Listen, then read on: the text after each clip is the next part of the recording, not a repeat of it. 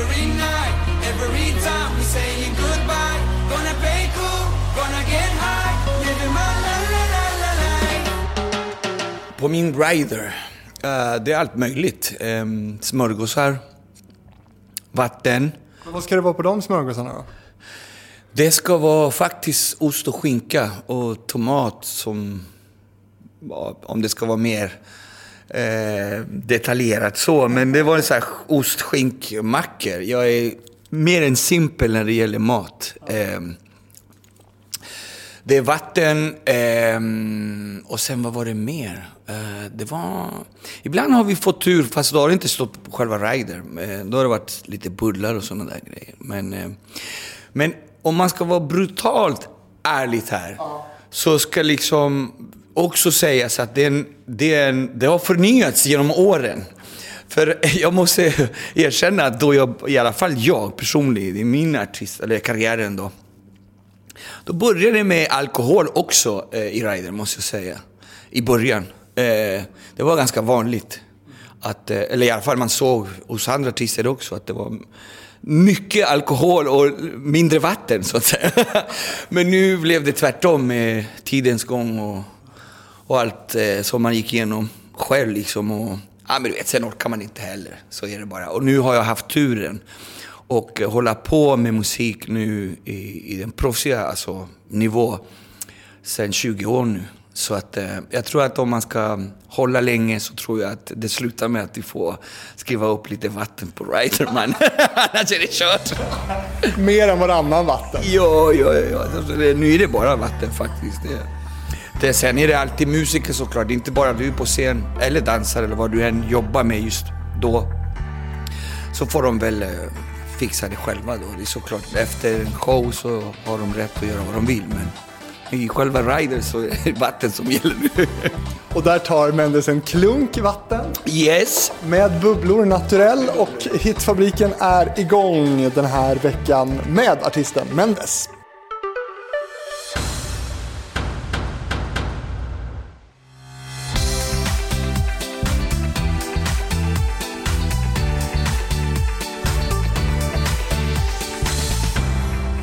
Ja men du, ska vi börja med vad vi ska kalla dig? Du har ju kallats DJ Mendes, Mendes, Leopoldo heter du, Leo kallas du för. Vad ska jag säga? Uh, Leo. Nu, nu är vi mer intima här. Mina närmaste så kallar mig för Leo. Eh, jag heter som du sa, Leopoldo. Ganska långt och fult tycker jag. Så jag, jag kortar ner det till Leo. Jag tror att eh, folk varit vart nöjda med det. Så det blir Leo till slut. Då kör vi på Leo. Du, vi ska snacka Mello som du är återigen aktuell i. Vi ska Yes. snacka om din karriär i Chile som jag är väldigt nyfiken på. Eh, Men jag tänkte att vi skulle börja lite från början för- så att man hänger med vad du har egentligen för bakgrund. Eh, För man kan säga så här att Förra året, 2019, då var det 20 år sedan du började släppa musik eh, som DJ Mendes då. Eh, och du levde ju ett ganska tufft liv innan dess alltså. Ska du ta oss med till Brunskogsbacken 104 lite? Ja, Brunskogsbacken, Farsta strand. Det var faktiskt ganska härligt ehm, att bo eh, söder om Stockholm. Eh, jag tyckte om det, men jag tror att det hände ganska mycket för mig just för att eh, det var någon som hade ehm, så att säga dött, om man ska vara helt rå, eh, dött och det var ganska nära till mig. Jag, jag brukar säga och känna att då jag fyllde 13, då vände det för mig och tyckte att hela världen sög liksom. Allt var mörk. Och då sökte man sig till eh, andra element eller människor som tänkte kanske likadant och, och hittade någonstans eh, hem, inom parentes. För, för du kom till Sverige 86 och då var du 11 år då? Exakt. Och du kom från fattiga förhållanden? Ja, jo, i Chile det var, det, det- det, var ju ganska fattigt. Ehm, Som jag brukar säga till mina barn, ni ska tacka att ni har varmt vatten till exempel. Det tycker jag är lyx. Jag brukar säga fortfarande idag. Ehm, för att vi hade ingenting. Men ehm, det var fortfarande, ehm, det var inte bara det. Det var, var lyckliga stunder också, men det var ganska rough. Det var mycket droger, det var mycket ehm, våld hemma hos grannar, inte bara på gatan liksom. Du vet, eh, folk som slog eh, sina fruar och man såg det där när man var barn, kommer ihåg det.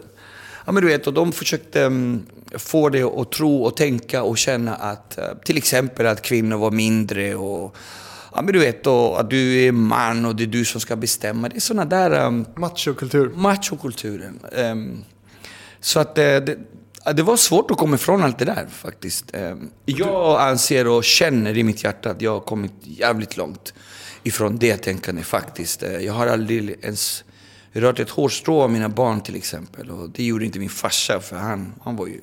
Han körde hårt, han körde sin grej. Och alla skyller på att de hade en dålig uppväxt och så vidare. Men, men jag har haft en tuff uppväxt men jag har ingenting med, mer än bara kärlek till mina barn. Jag tror inte man kan eh, uppfostra dem med något annat, liksom, för att det blir bara fel. Jag har tur att eh, jag verkligen hittade en annan väg för att kunna uppfostra mina barn och mig själv på något sätt och hitta.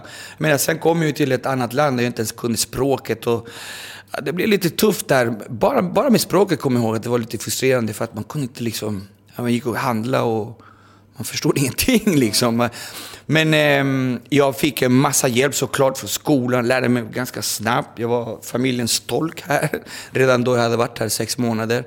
Det är ganska vanligt att barnen blir det. Ja, ja men barn, eh, då, i den åldern så man är som en svamp. Sackar in mig, man suger åt sig och får in en massa info och man lär sig ganska fort. Men, men du har beskrivit dig själv då i alla fall som en, en riktig odåga. Jo, faktiskt. Jag, jag måste nog säga det.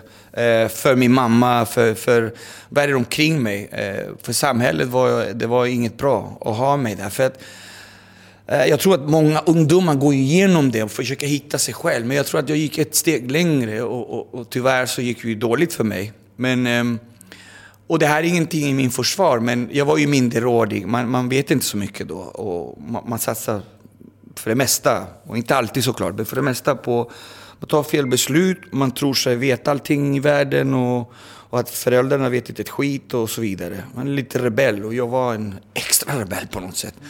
Så mm, jag tog det ett steg vidare och så till slut så hamnade jag i olika organisationer och folk som hjälpte för de här värstingsläger, kommer jag ihåg att de kallades. Från Fryshuset till andra eh, ställen som man kunde hitta. Eller de försökte liksom få det att och, och hitta hem på något sätt. Liksom, och att det blev bättre för dig.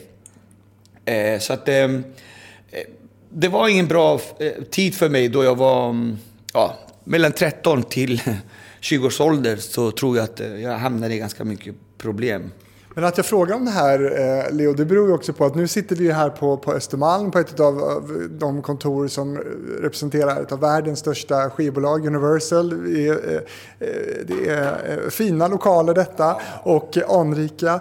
Jag tänker också att, att för på den här tiden så, så har du ju det här med dig och du har ju också genomgått det här. Du har suttit i fängelse till exempel, du var alkoholist. Ja, jag är det fortfarande. Det slutar man aldrig vara, alkoholist. Ehm, Jag, det, där är, det där är, måste jag säga, att det är skitjobbigt. Eh, Jag har ju kunnat vara flera år.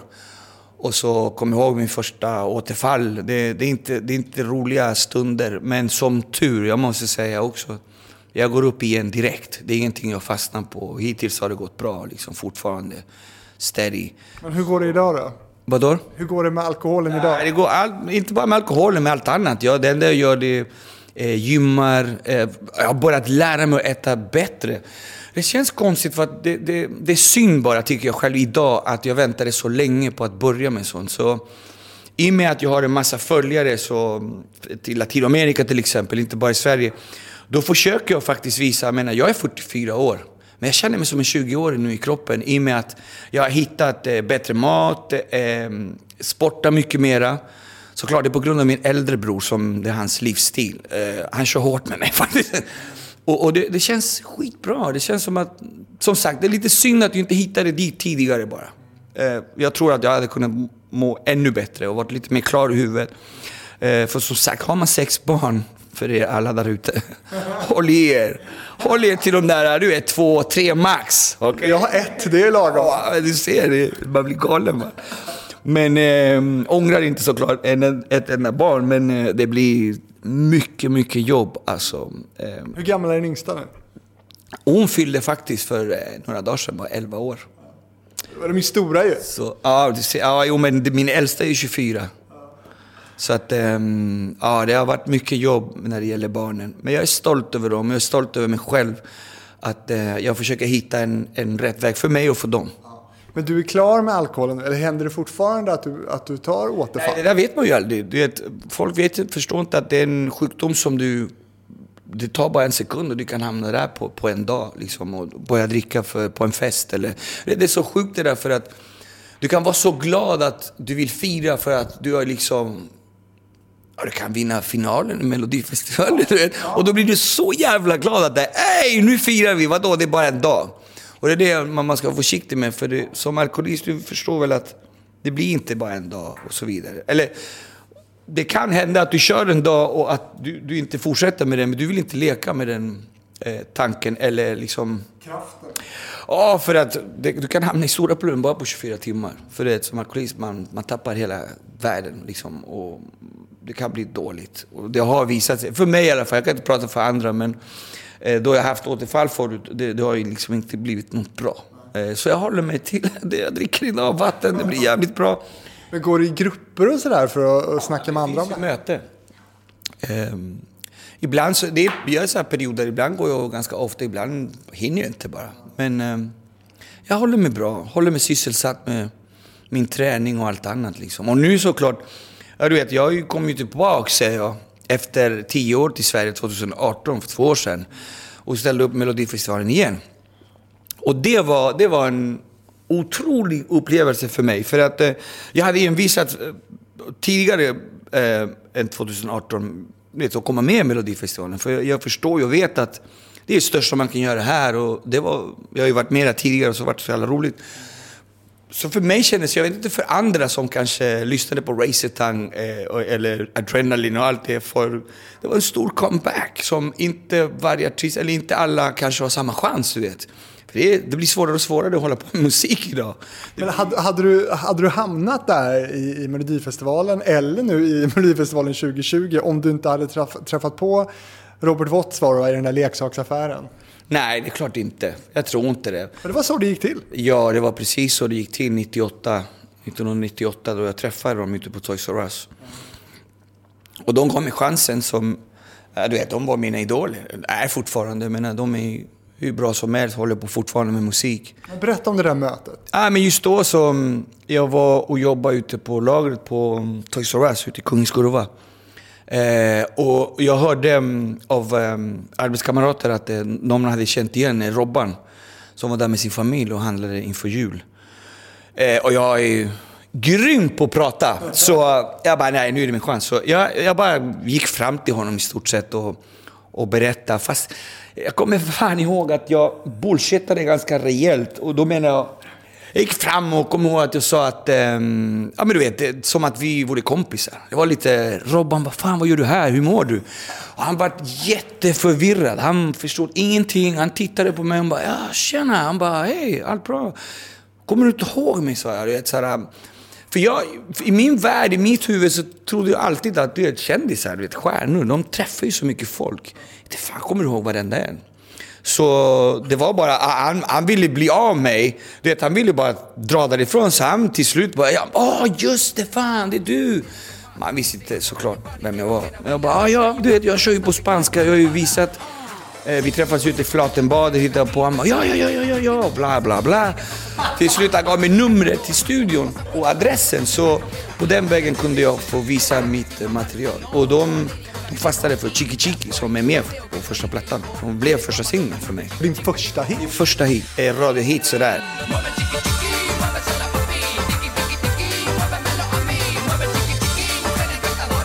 Eh, Det blev inte mycket om mig. Jag tror att det började pratas om eh, det här spanska språket och tatueringen. Jag kommer ihåg att det var mycket frågor om det, runt om det. Och sen tror jag i alla fall, folk får ju tycka såklart lite som de vill, men jag tror att då Racetan kom, kom då, var det, då var det en hit för mig, om, som man säger.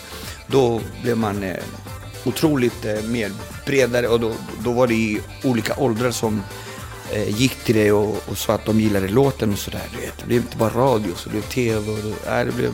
För att inte tala om Cross the Border som är min favorit. Men vi, vi ska gå igenom de här låtarna tänkte jag. Men, men eh, Robban då, har du någon kontakt med honom idag? Ja, inte kontakt som förut, men vi, då vi ses så ses vi liksom. Vi ger oss en stor kram och pratar om Spanien ganska mycket då vi träffas. Sist jag träffade honom var på ett eh, tågresa liksom och där satt vi och pratade i några timmar. Men eh, han håller sig mycket till Spanien och turnerar ganska mycket fortfarande som DJ. Så, så sist träffades faktiskt på den här 90-talsfestivalen. Ehm, eller du vet, de, det görs, jag tror att de gör det varje år, men det var min första gång i alla fall. This is 90s. Ja, exakt. Hur stort som helst. Och han var där såklart. Han är ju stor representant när det gäller 90-talet. Men eh, då kan man alltså säga att eh, det som hände där då i den här leksaksaffären, det var att, att musiken räddade dig egentligen. Ja, självklart mannen. Jag, mm, jag, jag, jag blev så... Jag, jag tror och anser att när jag ser en chans så tar jag den. Och jag tror att jag tog den chansen och det var för en bra grej. Jag tror att det gjorde hela grejen för att um, sen kunde vi spela in. Och jag sov ju där i sex månader på hans soffa i studion. Det kostade mig faktiskt mitt första äktenskap. Så man fick välja lite. Och jag ångrar ingenting, men jag hade hoppats att man kunde ha fått alltihopa. Men i livet, vet man kan inte få allt. Så jag valde musiken utan att såklart eh, lämna min dotter då jag hade Steffi. Eh, min för, mitt första barn, dotter då. Men eh, vi fick skiljas som par då. Eh, Det blev för mycket för henne tror jag. Sen blev det turnering och då... Sen flippade jag och sen vet, såg man vad som hände på turneringar då flippade jag ännu mer. Så man måste vara försiktig där ute, de nykomlingarna. Så, Vad hände? nej, men det blev mycket fest och det blev mycket... Ah, mer än vad man borde såklart. En del tjejer eller? Ja, allt möjligt. Allt möjligt. Säger du och tar ett glas vatten. Men, men det här med att musiken kom in i ditt liv. Jag började som DJ faktiskt. Eh, Det var på grund av min bror som var DJ redan då. Var intresserad av att hålla på med två skivor och leka med dem och mixa ihop dem och så vidare. Det, det, det var hans grej. Vad gör han idag? Han är DJ fortfarande. Ja, ja, för fan. Han är ute och kör mycket i Ryssland. Han är mer en, vad ska man kalla det för DJ? Mer house typ av DJ liksom. Det är en sån typ av musik han diggar och mixar och jobbar med. Ehm, och så på den vägen var det. Jag ville leka med skivorna jag med. Eh, Men jag blev mer, mer än av en scratch-DJ som älskade det soundet liksom. Och, och ljudet av leka med skivan fram och tillbaka liksom. Ehm, och det gjorde att jag tyckte Robin Brass ännu mera. Det var ju lite på den vägen. Förut i tiden så fanns det VHS-kassetterna eh, och de brukade jag köpa på de här um, eh, Championship, DJ Championship ute i England som man gjorde. Robban var ju med där och Rasmus också. Och det här hände innan jag träffade dem såklart. Eh, så när jag kom fram till dem, eller när jag fick chansen att jobba med dem, då visste jag såklart om musik och vad det var, var DJ och scratcha. Var ganska nära musiken, men jag hade inte tillägnat så stor energi eller tid åt det. Jag hade tyvärr tillägnat till annat som inte blev så bra. Men de gav mig chansen att verkligen satsa på det liksom, och gav mig en chans att, att kunna inse att det kanske är någonting för mig. Men du hade som, som mål att hamna på MTV. Ja, men det hände redan i skolan. Men jag kommer ihåg, det var en dag då alla skulle säga vad vi trodde eller ville bli när vi blev stora, liksom. Vuxna. Vad vi, vad vi ville hålla på med. Och jag kommer ihåg att, eh, han heter Bert. Kurt va? Kurt, förlåt. Tack. Kurt, han var alltid på my ass. Men efteråt förstod jag att han menade väl. För att han, han tyckte att jag var ganska snabb, eh, lärde mig eh, och var duktig på då jag ville vara duktig. Eh, så fråga mig då. Jag bara ställer mig upp eh, på en stol. Säger jag ska mm, hamna på MTV. Mina videos och min musik. Så att Eh, Eh, håll ut eh, ett öga, för jag- kommer att hamna där. Bara så ni vet. Och då är det klart, eh, då, då börjar han skratta. Och, fast jag, fortfarande tycker jag att han menar det väl faktiskt. Ehm, han menar det väl. Han, han bara, men det här är seriöst. Vi, vi, vi, vi pratar inte om...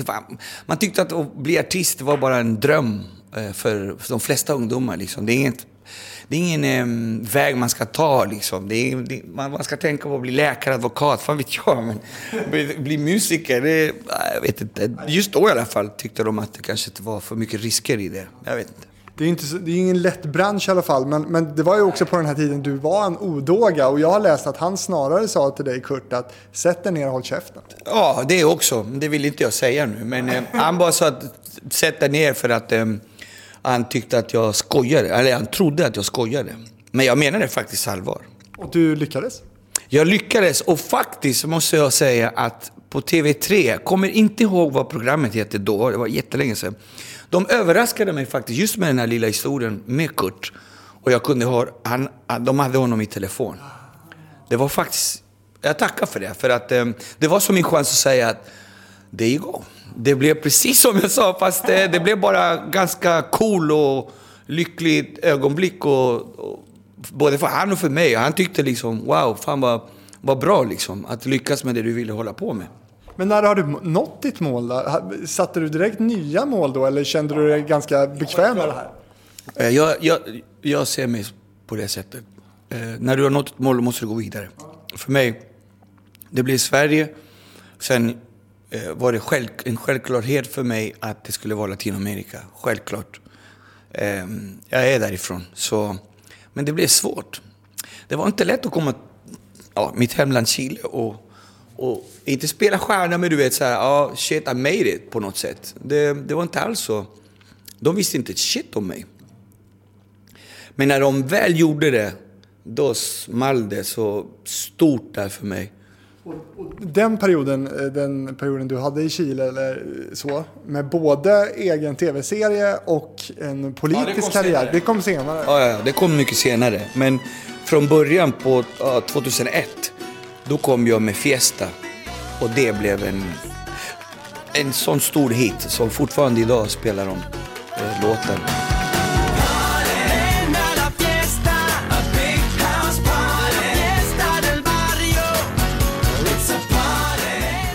Blev grymt för mig som artist, den låten. Jag Satte mig på kartan som artist och att alla visste att jag var en chilenare som lyckades på ett bra sätt. För att tyvärr kommer jag fortfarande ihåg, det snackades mycket och mer om den kriminella biten tyvärr om invandrare just då i Sverige till exempel. Och jag ville verkligen visa att, jag menar alla chilenare är inte så. Eller du vet, alla som kommer från annat land är inte så. Känner du igen det i, i tonläget idag i Sverige när vi pratar om invandring och integration och sånt? Fan, jag önskar jag kunde svara med, med mer fakta. Men jag känner att jag går in och ut sedan 2018 i Sverige. Jag, inte, jag, inte, mm, jag kan inte säga att jag har bott här nu.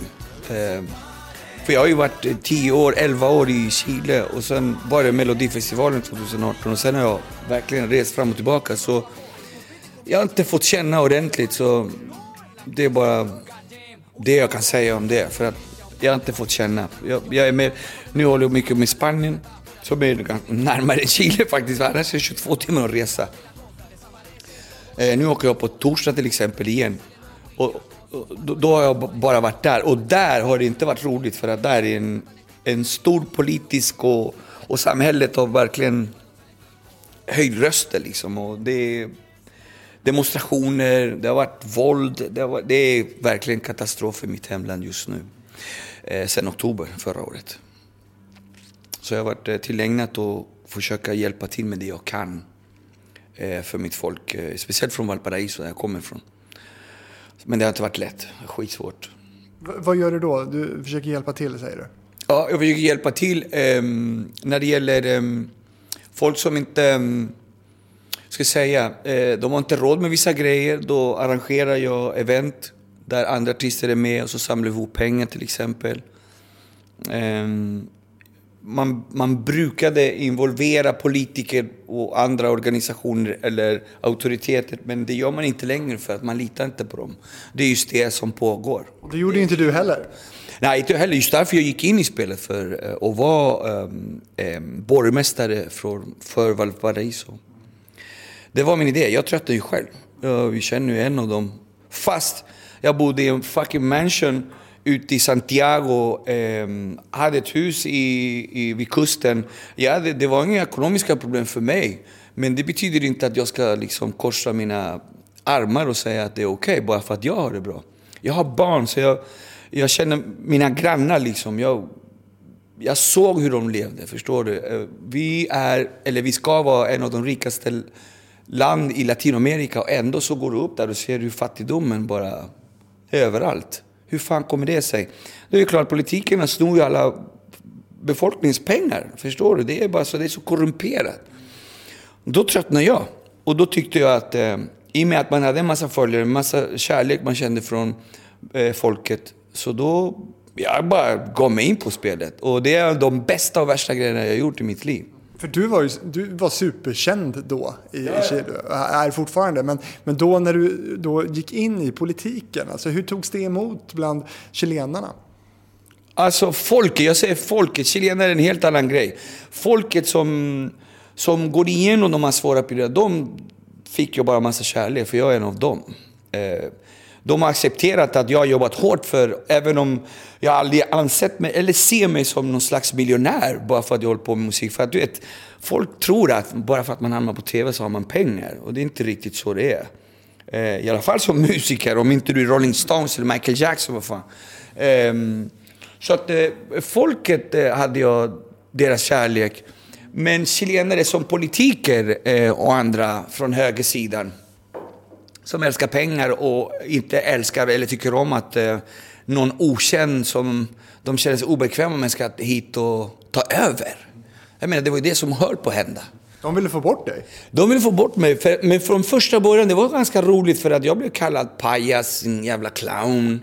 En tatuerad musiker, vad gör han här liksom? Ska han bli politiker nu? Nej, det är säkert någon strategi för att han kommer släppa något snart. Men du vet, det blev mycket sånt skitsnack.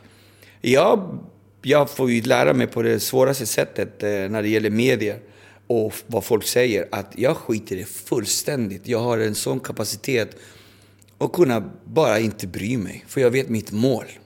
Jag bryr mig inte ett shit. När jag vet att du gör någonting rätt och vet att de har fel, då kör jag på. Så är det bara. Sen får vi se hur det blir, men jag kör på. Och då kände jag just det. Jag bara, nej.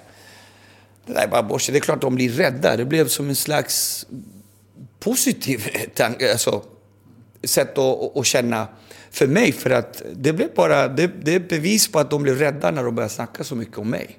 Men hur gick det då? Blev du alltså borgmästare? Nej, annars hade inte jag suttit här. Precis, för, det, för du var med i ett val och du kom trea, var det så? Japp. Eh, grejen var att eh, det blev ju primärval, heter det väl på svenska, eller hur? Ja. Det var då de tog mig på allvar. För att jag ställde upp som vem som helst kan göra. Du, du kan göra det själv. Alltså vem som helst, du var du jättekänd person. Ja, men det var okända också. Som var från the hood, om man ska kalla det för. Ehm, men eh, jag utnyttjade såklart så mycket jag bara kunde av kändisskapet såklart. För att jag ville få bort de här eh, män som satt där vid makten och tog deras pengar. Såklart eh, jag ville göra det. Men eh, då jag var den mest röstade i hela landet, och det blev bara inte Valparaiso, det blev hela landet. Och det blev en stor nyhet för hela landet att musiker, ja, de kallar mig fortfarande för DJ Mendes där som musiker. Så det blev DJ Mendes vinner primär och jag rasade över. Alltså det, de, de hade ingen chans. Och då förstod de att okej, okay, nu håller det på att hända grejer här. Nu redan 2016 i Chile. Att folk är trötta. Och jag hade rätt. Så då tog de mig på allvar och då började alla hot. Och då började jag liksom eh, försöka liksom eh, eh, att jag skulle ta emot eh, mutpengar för att jag skulle lägga ner allting. Det blev massor. Du blev erbjuden pengar? Miljoner av pengar. Så när de insåg att jag menade allvar och bad dem dra åt helvete, då förstår de att de måste köra hårt. Så det är klart att de tar upp det värsta av det värsta de, från min past liksom. Då jag var yngre, eh, minderårig till och med. Allt, allt som allt. Hittade på grejer, till exempel att jag hade eh, varit på en restaurang och, och miss, eller behandlat illa någon servitör och trodde att jag var du vet, Kanye West på något sätt. Liksom. Jag trodde det var the goddess. Eh, men det var ju såklart skitsnack för det bevisade sen att jag var inte ens i närheten av den platsen. Ja, men du vet, de försökte för att ju mer skit det kommer ut, folk, tror ju, folk kan nappa och tro på det. Fast de inte vet riktigt. Men medierna blir så stora. Om... Men det var det som gjorde att du, inte, att du inte lyckades hela vägen då? Eller? Exakt. Eh, men när de insåg att... Eh, de trodde att jag hade lätt för att vinna folket. Så det var också en grej, tyckte jag. att de gick inte och röstade för de trodde att det var redan, liksom, jag hade redan vunnit. Men det kommer väl fler val? Ja, fast jag tänker inte ställa upp. De, de har redan frågat och de har liksom olika partier och de vill... Jag vill inte lägga mig i. Nu gör jag det på som jag gjorde förut, privata biten. Vi har byggt hus åt folk.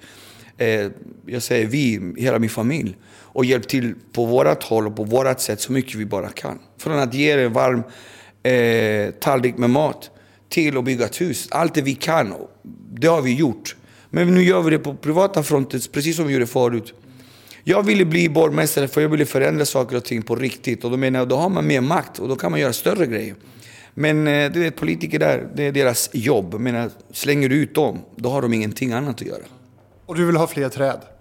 Ja, förutom träd då, det var ju liksom eh, med det tekniska, teknologiska biten, då menar jag wifi, eh, det var mycket som vi inte har, som vi borde ha för att kunna i sportfronten till exempel, hur fan vill du att du ska satsa på fotboll när det finns inte ens ett fotbollsplan i... Ja men du vet, det, det är mycket sånt som eh, skulle förändras och det skulle vara mer öppet. Folk ska eh, veta och, och bli informerade om vilka rättigheter de har.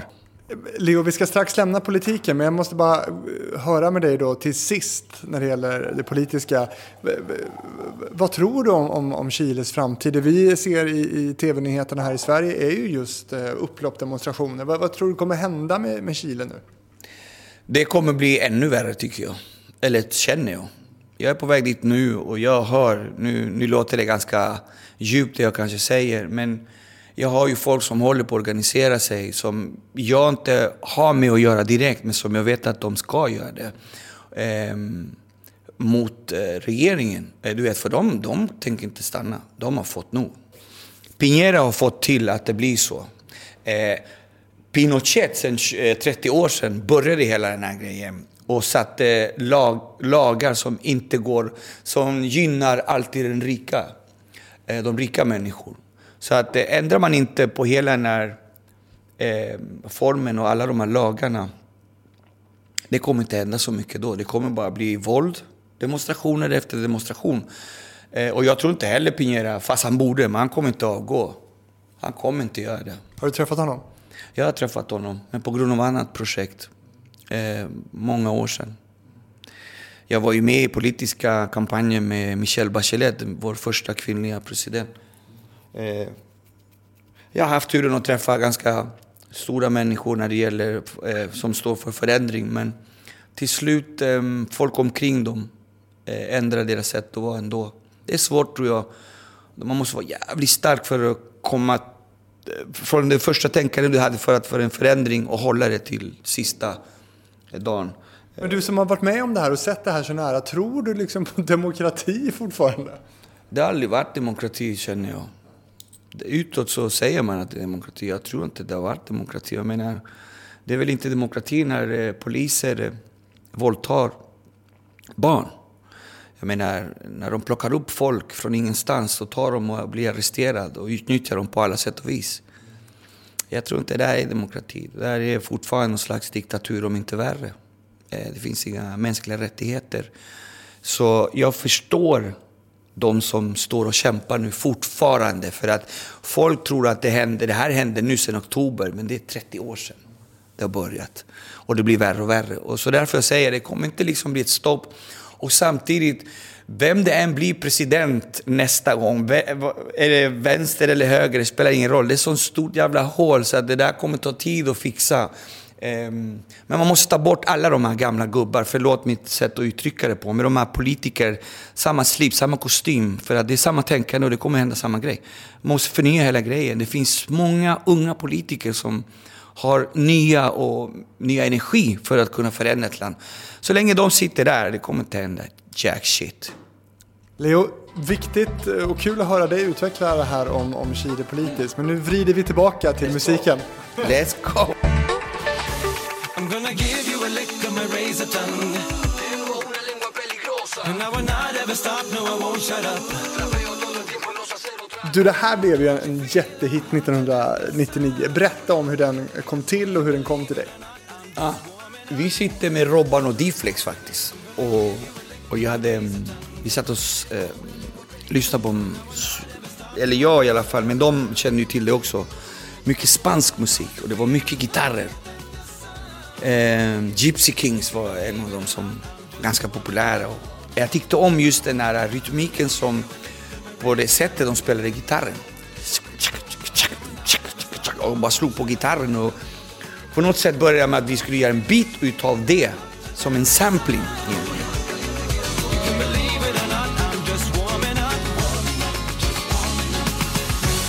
Men sen kom ju nya melodier och så gjorde vi om. Men vi hade just det här sättet, det här soundet de har med gitarren. Det är, men för mig, det är, gitarren är en stor del av Racertang. Och såklart eh, Patrik Hensel, producenten, kom in med en sån smack, alltså, eh, tycker jag, eh, när det gäller refrängen. Och fick den här pop-soundet i den här latin som jag hade redan från början. Så, Förstod du direkt att det här skulle bli en hit? nej. Nej, jag måste säga att eh, vi, det var, nej inte alls. Jag hade inget, inget äh, sinne för liksom säga ja, det här är en hit det där och du vet som brukar, brukar spela så här. Nej, nej, nej, inte alls. Och det var Ola Håkansson. Jag kan våga säga att han var den enda som satsade på den. Inte ens våra A&R här på Universal, då Stockholm Records, får förlåta mig, men ingen trodde på den, eller hade inte lagt märke till den som fanns på plattan där. Vi alla tyckte att Tell Me Why, som också finns på plattan, skulle vara singeln då.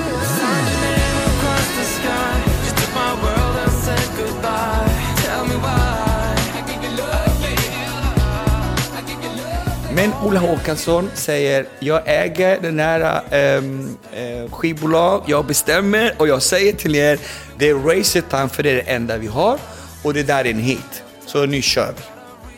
Och ärligt talat, alltså, han gav oss en läxa. Ehm, vi fick en läxa, alltså det var som han sa. Faktiskt, jag menar, Bara titeln är en smack. Ja, men vad fan. Jag var såhär, wow. Jag trodde inte alls på den, jag måste säga. Men när jag väl... För att samtidigt måste jag säga, det är en låt som växer. Det är ingen sån där äh, som hits idag, som första början, smack! Och du lär den på 30 sekunder. Det brukar vara tre minuters låt och då halva låten, då har du den. Men den här, äh, det är ju liksom, det börjar ju ganska mycket instrumental på något sätt, gitarrer och sen kommer refrängen. Fast man förstår inte den riktigt, för blandningen med pop där och allt, det var ganska nytt då. Så Jonna bara, nej vet fan, alltså den här blandningen. Jag gillar den men hit? I don't know. Och för mig blev det den första största fucking hit alltså. Så tack Ola Håkansson för det. Tack, tack, tack. Har, har Olle Håkansson också eh, pinpointat andra hits eh, i din karriär sen framöver?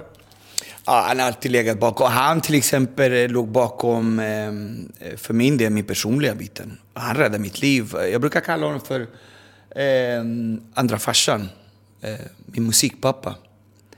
Han gav mig chansen och eh, betalade faktiskt för min behandling. Faktiskt, för att det, var då jag hamnade på behandlingshem. Då, det blev, då jag blev, eh, ja, säger man då jag blev artist, men då blev jag signad och kunde få ut min musik med dem på ett mer proffsigt sätt. Eh, och som sagt, eh, det blev ju värre för mig med, med spriten och droger och allt annat. Och det är klart det blir ett problem för dem, för det är en ekonomisk fråga också. Det är inte bara den här känslomässiga. De älskar ju mig och tyckte om mig som person, men jag måste ju förstå dem att det är en business för dem också. För att om du inte dyker upp på konserten, och, du vet, det kostar ju pengar. Du vet, eh, det är en business också, så att antingen skärper du dig, men förutom att säga antingen skärper du dig så ger de mig, eller han, en chans. Allting betalt, för att, för att det är inte billigt att hamna på nämndemansgården som den heter. Eh, I alla fall då, nu vet jag inte, men det var ganska dyrt och jag hade inte de pengarna. Men jag hade viljan. Eh, och så, men han hade pengarna. Så han räddade min ass, måste jag säga. Eh, just på min personliga biten. Men musiken räddade ju dig från början, men, men sen höll alltså drogerna och spriten, det höll grepp om dig långt in. Jo, för att i musiken så finns så mycket droger och alkohol. Även om kanske de inte säger det, men jag tror att alla vet om det. Eh, ja, men du vet, olika klubbar, festivaler. Det är liksom, du kan lätt hamna där. Om du inte förstår och har klart för dig vad du vill göra i livet. Så hamnar du där och då hamnar du i problem. Och jag höll på att hamna där riktigt hårt och förlora allt den här chansen och allt det musiken hade gett mig. Och istället för att se det och ta emot det och växa med den så håller jag på att förstöra för mig själv. Så som sagt, då kommer Ola Håkansson där och ännu en gång räddar mig ass. Och efteråt, som tredje exempel måste jag säga, som ännu en gång ehm, eller gissa rätt, men peka på rätt grej. Och det var Melodifestivalen. Adrenalina!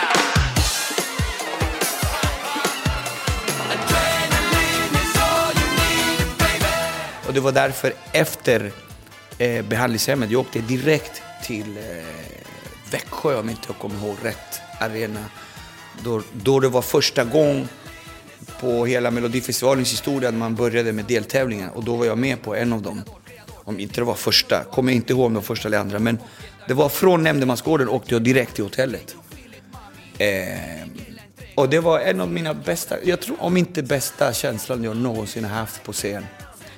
Faktiskt, jag, jag blir nästan eh, känslig, eh, fast på ett bra sätt för att jag kom upp där, hade inte en droppe av alkohol i min kropp Eh, och visste precis vad som hände och, och känslorna var på riktigt. Så det kan jag rekommendera till varenda en som haft problem med det och verkligen ser fram emot den känslan för att det är ingen som är fake då.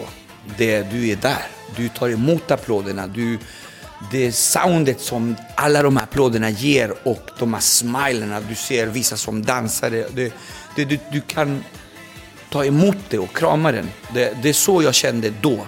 Men det är ju väldigt få som åker från Nämndemansgården till Sveriges största tv-program. Men det är många som har alkoholproblem eller drogproblem och inte gör någonting åt saken. För det, man måste vilja själv och vilja få ta emot den känslan. Det är ju den bästa som finns. Men där stod det i alla fall, röd kostym var det va? Röd kostym, yes! Lika röd som din tröja du har idag. Boots, ja, röd har alltid varit min favoritfärg så det är nog därför. Men ja, eh, och det var han, eh, förlåt, för att komma tillbaka lite kort. Det var han som sa att du måste göra Melodifestivalen. Då var det som en riktig fucked up idé måste jag säga, för ingen förstod. För det, det var ju för mig, även om jag är ingen, jag är ingen expert på Melodifestivalen, måste jag erkänna också. Eh, speciellt way back i tiden för Sveriges historia. Eh, då var det um, slager för mig. Sen blev det Melodifestivalen.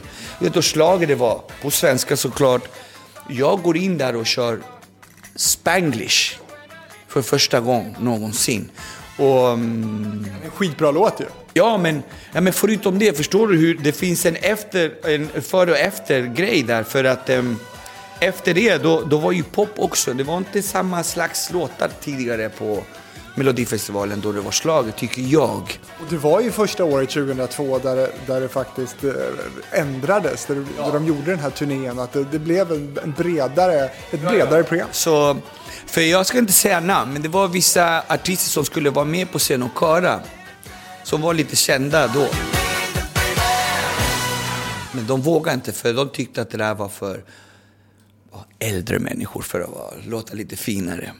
Vilka var det? Det här är ju så länge sedan. Ni kan Nej, du berätta? nej, nej. Rångedal var ju med. Nej, jag ska inte säga någonting, men de vet precis om det här. Att de tackade nej och de ångrar sig otroligt än idag de är.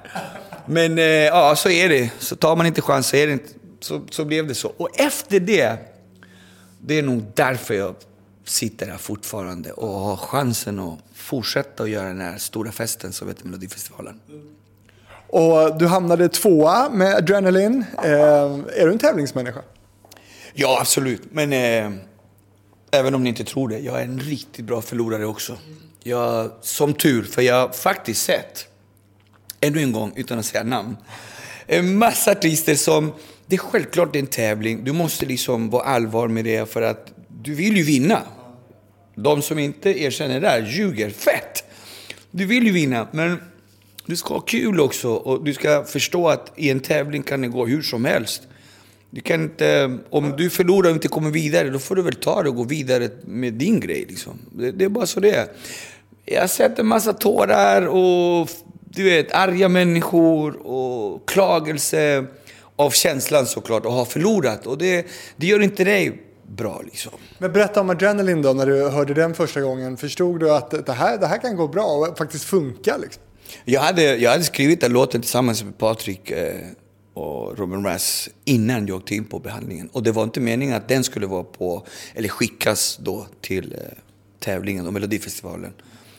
Eh, men det, de såg till att de gjorde det medan jag satt där. Så det var en stor surprise för mig att de ringer och säger att du är med på Melodifestivalen. Jag, menar, jag gick, det var ganska svår tid med mig så det där var en stor grej. Det var wow. Det var en wow-grej faktiskt. Så, ehm, Är det din största hit? Adrenaline? Nej. Jag tror att det är Lady. Lady blev för mig en världshit. Eh, om inte latinamerikansk kontinent-hit. Big time.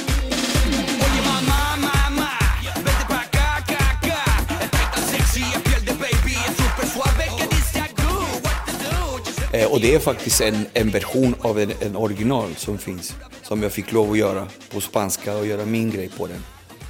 Eh, och den blev ännu idag kan jag spela med den. Förutom Adrenaline och alla andra hits. Men med Lady tror jag. Det var massa artister eh, som har gjort eh, cover på den. Och, ja, det är skitroligt alltså. Sen så vet jag inte hur självklart det var för dig att vara med då igen och ta revansch 2003. Ja, det var svårt för att jag, jag tyckte inte att det var rätt låt. Eh, Jag tyckte det då, jag tycker det fortfarande. Det var en grym låt. Karneval och en sån fart på den så att du kan inte sitta stilla till det där. Det var nästan en, det var ännu mer fart än Adrenaline tyckte jag. Med energi och allting.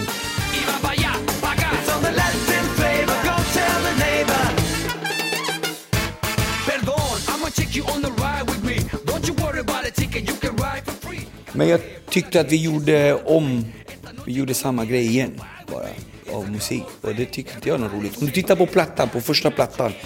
Chiki Chiki har ingenting med Fiesta att göra. För Chiki Chiki är mer house, techno, pop, blandning och syntar liksom och rap på den. Och Fiesta är mer latin, där kommer gitarrerna fram och cha-cha-rytmen och du vet, och sen går jag till Madre Mia som såklart det blev ingen singel här, men det, det är de största hits i, för mig i Chile. För det, det är som eh, Tupacs Dear Mama, som jag gör en låt för min mamma, som blev som en eh, symbol på mors dag. De spelar den överallt på radiostationer, varje år, än idag. Son tantos años que entregaste de tu vida, criando y cuidando de mí, madre mía. Con estas palabras quiero demostrarte todo lo que siento y también explicarte que Det var olika stilar. Jag, jag, jag, jag, du kan inte göra adrenalin på 10 tracks i en platta. Jag tycker det liksom... Det var då och det var bra, men jag personligen tyckte inte om det. Och det gick som det gick. Jag, Ja, Du kom inte till final med den. nej, nej, inte alls. Men sen har vi ju faktiskt lyckats komma till final de, den andra gången då, 2018 där.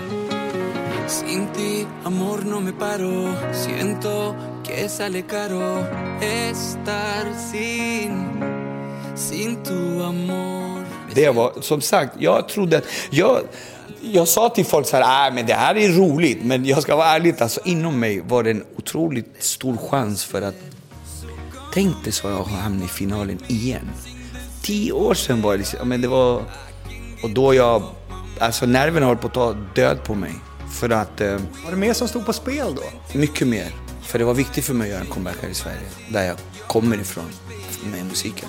Livsviktigt.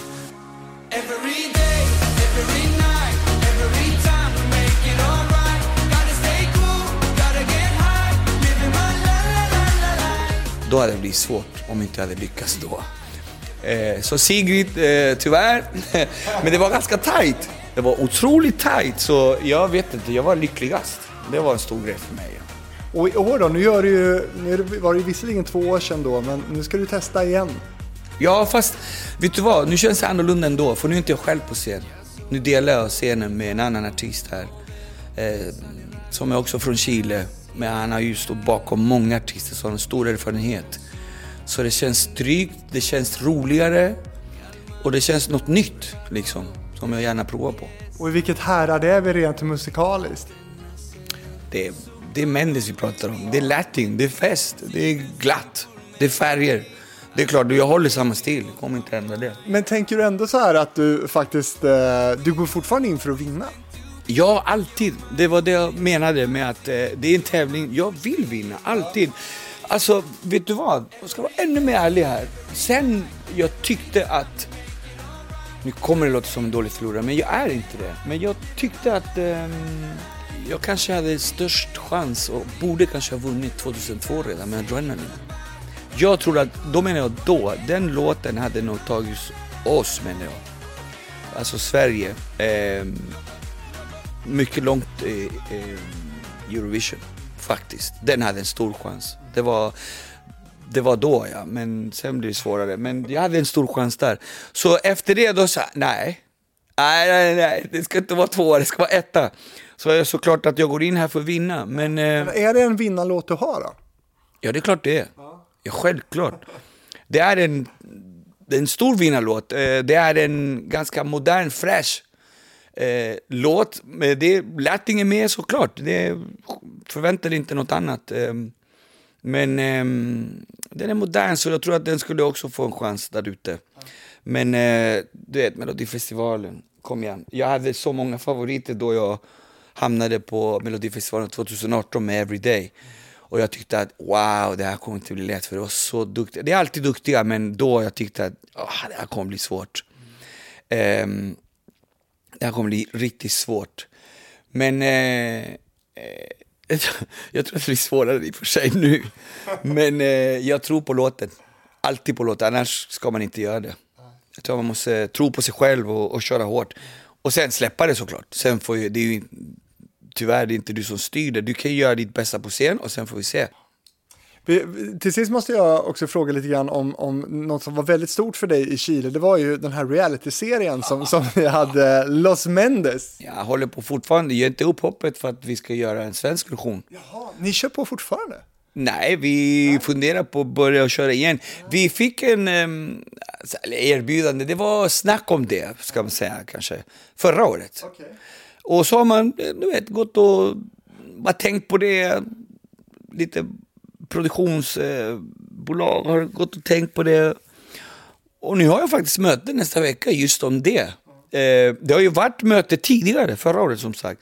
Men det hände inte så mycket. Jag tror att eh, deras eh, sida och min så gick det inte ihop med tiden och de personer som skulle vara med, Steffi bodde, mitt äldsta dotter bodde i, liksom i Chile då. Eh, så att eh, jag tror inte det var rätt tid kanske, men... Hur många tittade på de här avsnitten? Vi hade de högsta tittarsiffror på, i Chile då. Det var två och en halv eh, upp till då som var som bäst. Men vanligtvis två och en halv miljoner människor per eh, kapitel och avsnitt alltså. Helt otroligt ju. Ja, ja. Nej men det var en ganska stor grej alltså det där. Det var fem... Och gav ju dig en otrolig popularitet och, och, och, du blev extremt stor i med det där. Och du fick också göra den officiella kampanjlåten till presidenten va? Ja, eh, Michelle Bachelet. Oye Chile, vamos! Chile de todo.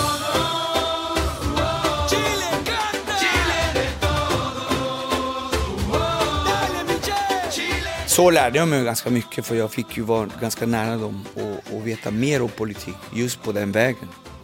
Det måste varit väldigt ärofyllt och stort.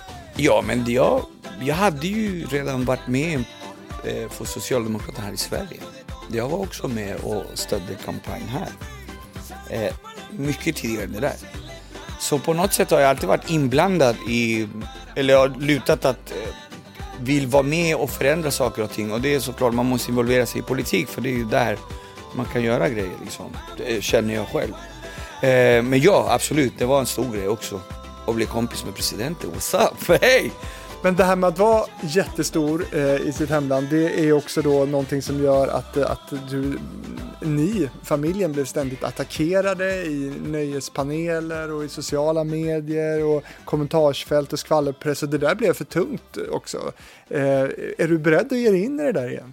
Politiken? Nej, alltså jag tänker på offentligheten med, med realityn och så vidare. Du menar så? Ja, jag är inte rädd för det. Eh, vi, vi, vi hanterade det ganska bra tills det inte gick att hantera. Men då var det bara för att, Eh, ja men, en av de grejerna var att min son kom ut att han var gay. Och det är en annan mentalitet i mitt hemland, tyvärr. Tyvärr. Och, men det var värt att gå, för det blev, det blev också en kamp för mig. Just för att kunna försvara och hjälpa till och stödja just andra ungdomar som befann sig i samma tid som min son. Um, och jag, äh, det blev en ganska lyckad, det var ingen kampanj så, men alla såg det som det.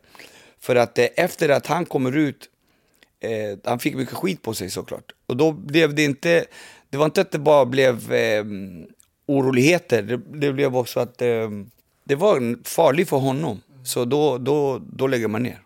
Hur mår han idag då? Han mår skitbra. Han bor här, eh, han är makeup artist, han älskar det han gör. Nej, jag kan inte säga något annat, att han är lycklig.